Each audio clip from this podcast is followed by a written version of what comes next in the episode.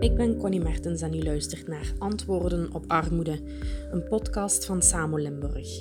Mensen in armoede en mensen die werken met mensen in armoede gaan in gesprek met Nigel Williams.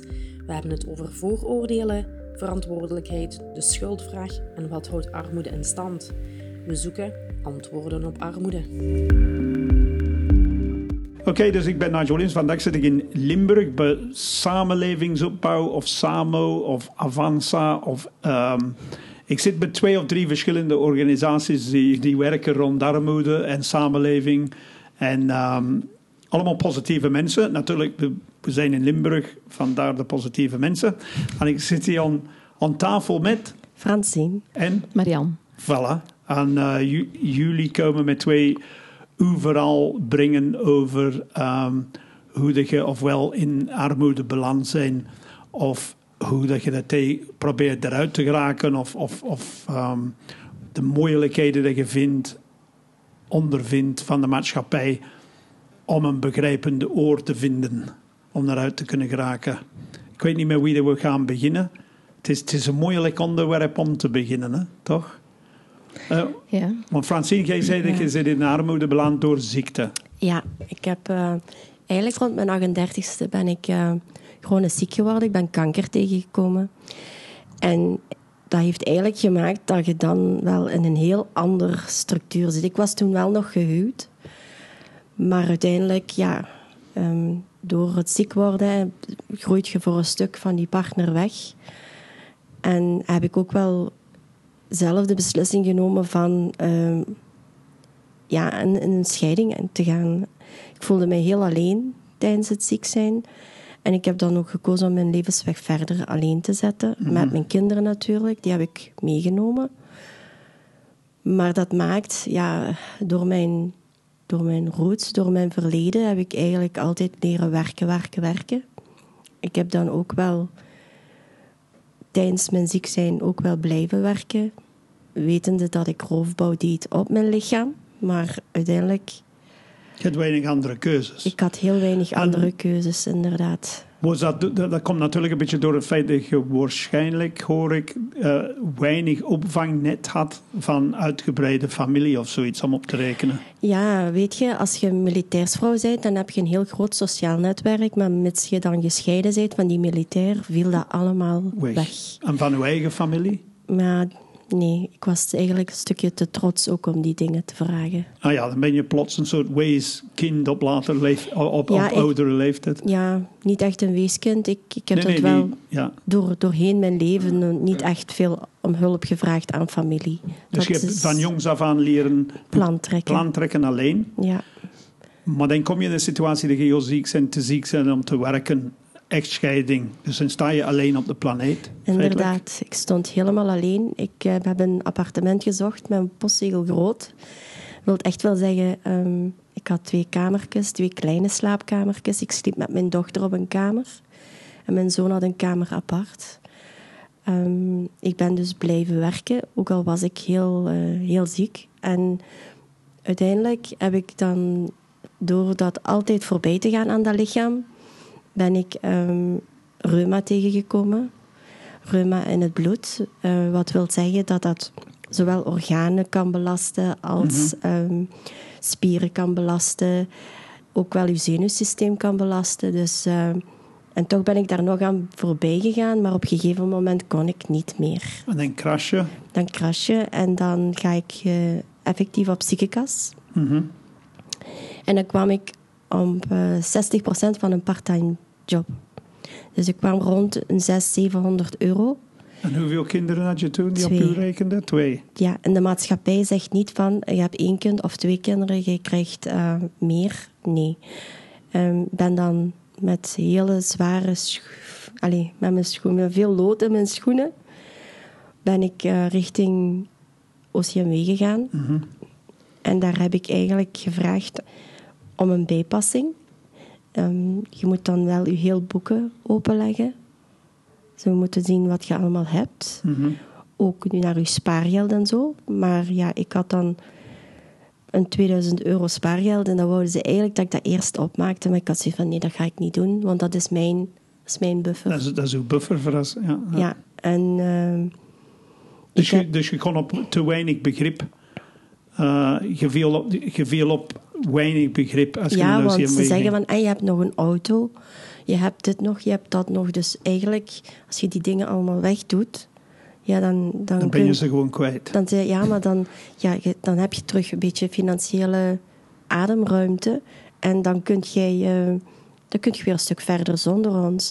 Dus ik heb de hele tijd, elke maand, moeten wachten tot er een beslissing is van de gemeenteraad om die bijpassing te krijgen. Dus er werd elke maand beslist of ik daar 2, 3, 400 euro bij kreeg, omdat het bestaansminimum 1100 en een chic was. Dus, dus elke maand wacht je op eh, de volgende beslissing. Ja, Dus je hebt geen inkomenszekerheid dan ook nee, niet. het is een heel onzekere eh, periode. Het is een, een periode dat je denkt van, ja, ehm, hoe moet ik verder? Ik moet hier ook nog twee kinderen ehm, eten geven. Gelukkig had ik een eh, ex-partner die zeer eh, trouw en zeer ehm, altijd op dezelfde tijdstippen Zijn alimentatie. zijn alimentatie betalen. Dus voor een stuk kon ik daar wel op teren.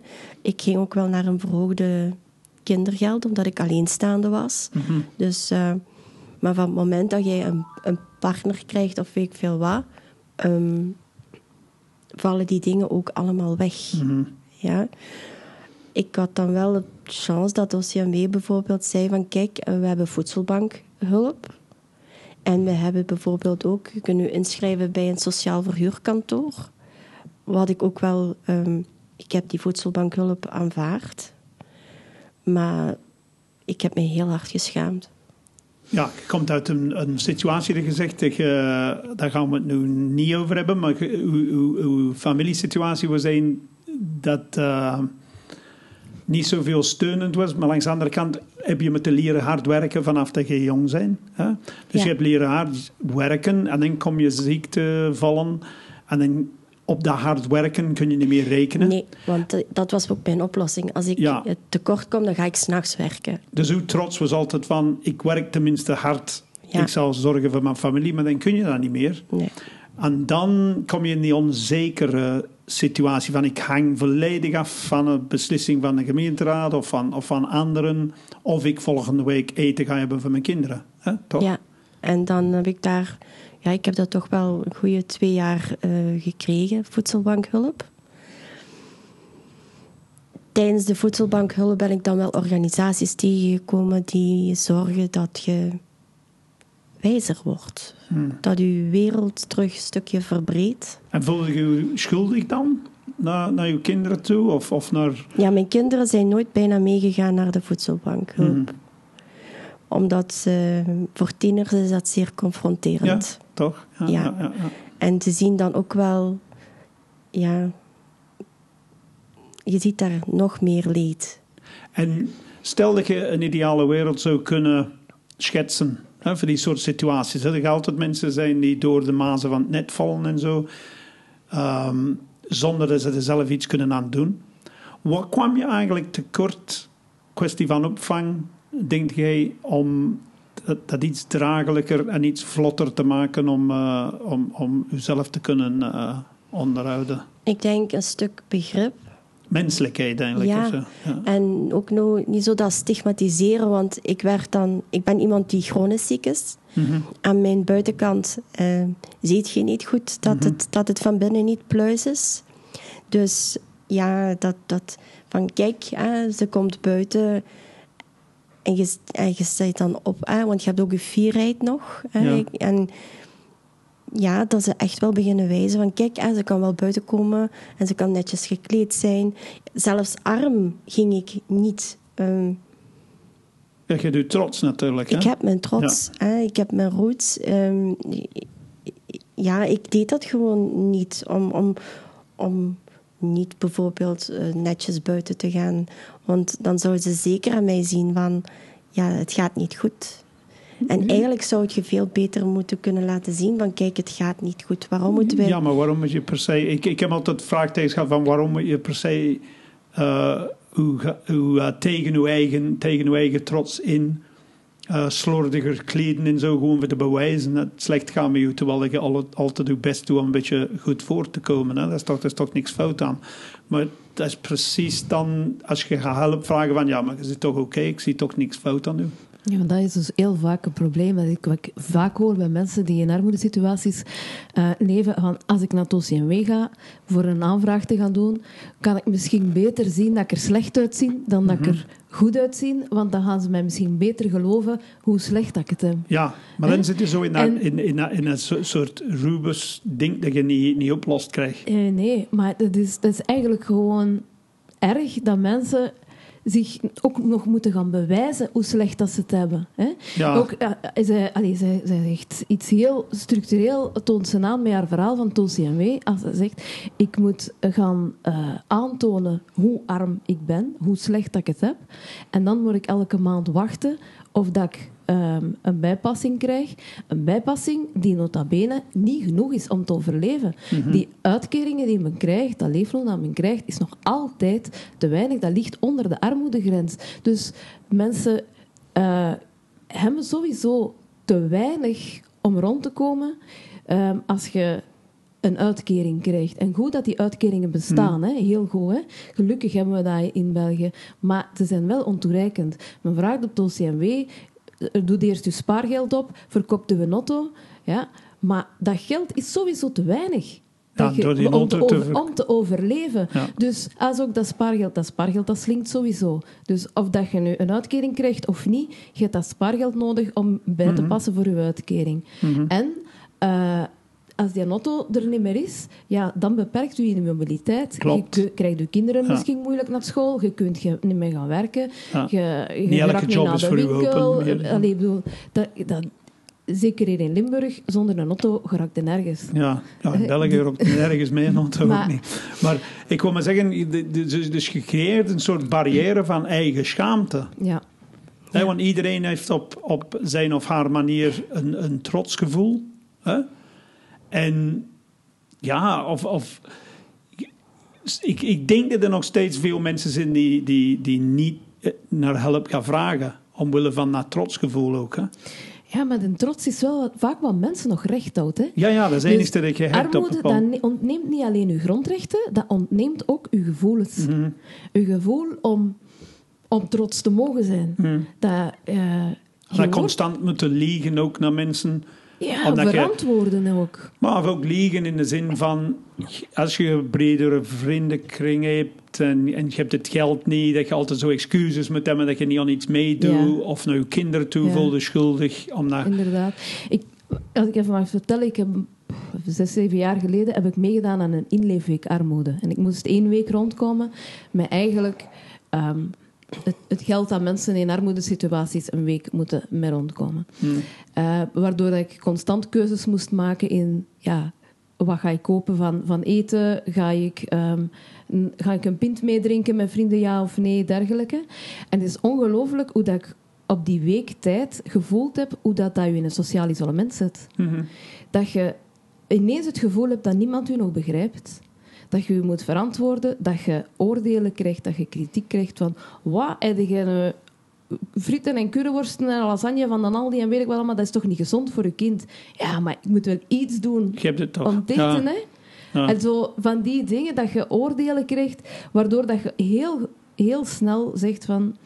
Ja, die begrijpen mij toch niet. Ja. En je je netwerk heel erg verkleint. Ik ga niet meer mee naar feestjes. Ik ga niet, niet iets gaan Zo weinig mogelijk mensen zien... en Ja. hoef je het zo weinig mogelijk Mhm. uit te leggen.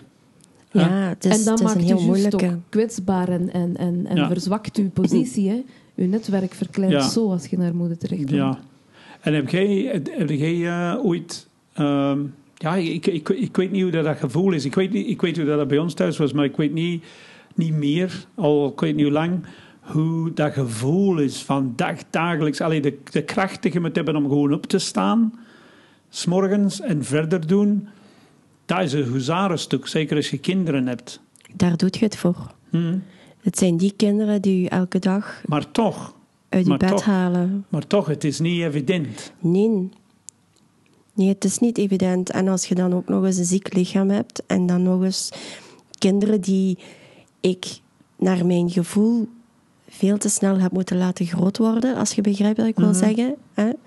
Doordat ik dan hun heb geleerd van hun plan te trekken. Hè? Ehm, nu, ik ben blij, het zijn jonge volwassenen. Ze schieten niet zo rap in paniek als er bijvoorbeeld geen geld is voor het een of het ander. Dus ze zit ook wel in dat stramien van ik ga ervoor werken. Dus ik heb mijn, ja, mijn een stukje destructief gedrag. Hè? Dus dat ik zeg van ga er maar voor kapot werken. Als je iets wilt, dan haal je dat wel. En zij doen dat nu al. Ik zie, ik zie dat ik dat heb verder gezet, wat niet zo goed is. Want hè, zij doen nu ook al twee jobs en zo. Snap je? Het zijn soms voorbeelden die, waar je niet zo fier op bent, die je dan doorgeeft. Maar ze zullen geen dag zitten zonder eten. hè. Als ik bijvoorbeeld moet zeggen, ik pakte bijvoorbeeld een kilo gehakt. Ik maakte daar een saus van en drie verschillende soorten pasta's. En mijn kinderen hadden niet het gevoel dat ze iets anders... Allee, snap je? Doordat er verschillende pasta's waren, had ik, eh, hadden zij niet echt het gevoel dat ze iets. Allee, dat ze elke dag hetzelfde aten. Dat Ja. is dus een beetje... Dus, dus ik, als ik naar België Ja. kwam, dacht ik van... Oké, in België hebben ze toch, toch een goede basisopvangnet voor mensen. En dat blijkt wel zo te zijn in vergelijkingen met van waar dat ik kom. Maar dat menselijkheid ontbreekt. Het, Maar ik vraag me af hoe dat je dat kunt institutionaliseren. Want, want mensen die werken in de plaatsen waar dat jij hulp nodig hebt, hebben geen ervaring met de situatie waar jij in zit meestal. Of dikwijls toch. Dus die kunnen zich heel moeilijk eh, verplaatsen eh, in uw verhaal. Snap je?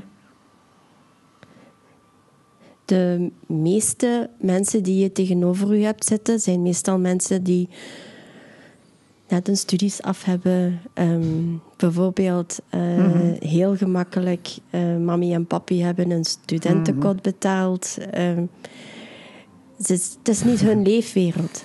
Het, is is, niet hun echt niet hun nee. leefwereld. En dat kunt je hen ook niet kwalijk nemen, want zij, zij, zij, hebben, zij hebben gekozen voor zo'n job te leren. Mhm. Maar de, de invulling en de beleving is nog heel iets anders. Ik had bijvoorbeeld een heel strenge maatschappelijke tegenover mij zitten, hè, die wat mijn dossier beheerde. Ik ben die wel dankbaar, hè, want ik kreeg heel weinig ademruimte, maar dat zorgde ook dat ik in heel weinig schulden terecht kwam. Maar het kind was zo streng. Ja, Maar was, als jij zo, we, we bijna op zijn van tijd, maar als jij één boodschap zou kunnen zeggen tegen mensen die eh, instaan voor de opvang van mensen die echt gewoon hulp nodig hebben, hè? wat zou dat zijn? leer vooral de mens achter de, achter de masker. Achter het verhaal. achter het verhaal. Mensen komen naar jou toe en dragen sowieso een eerste keer al een masker. Hmm.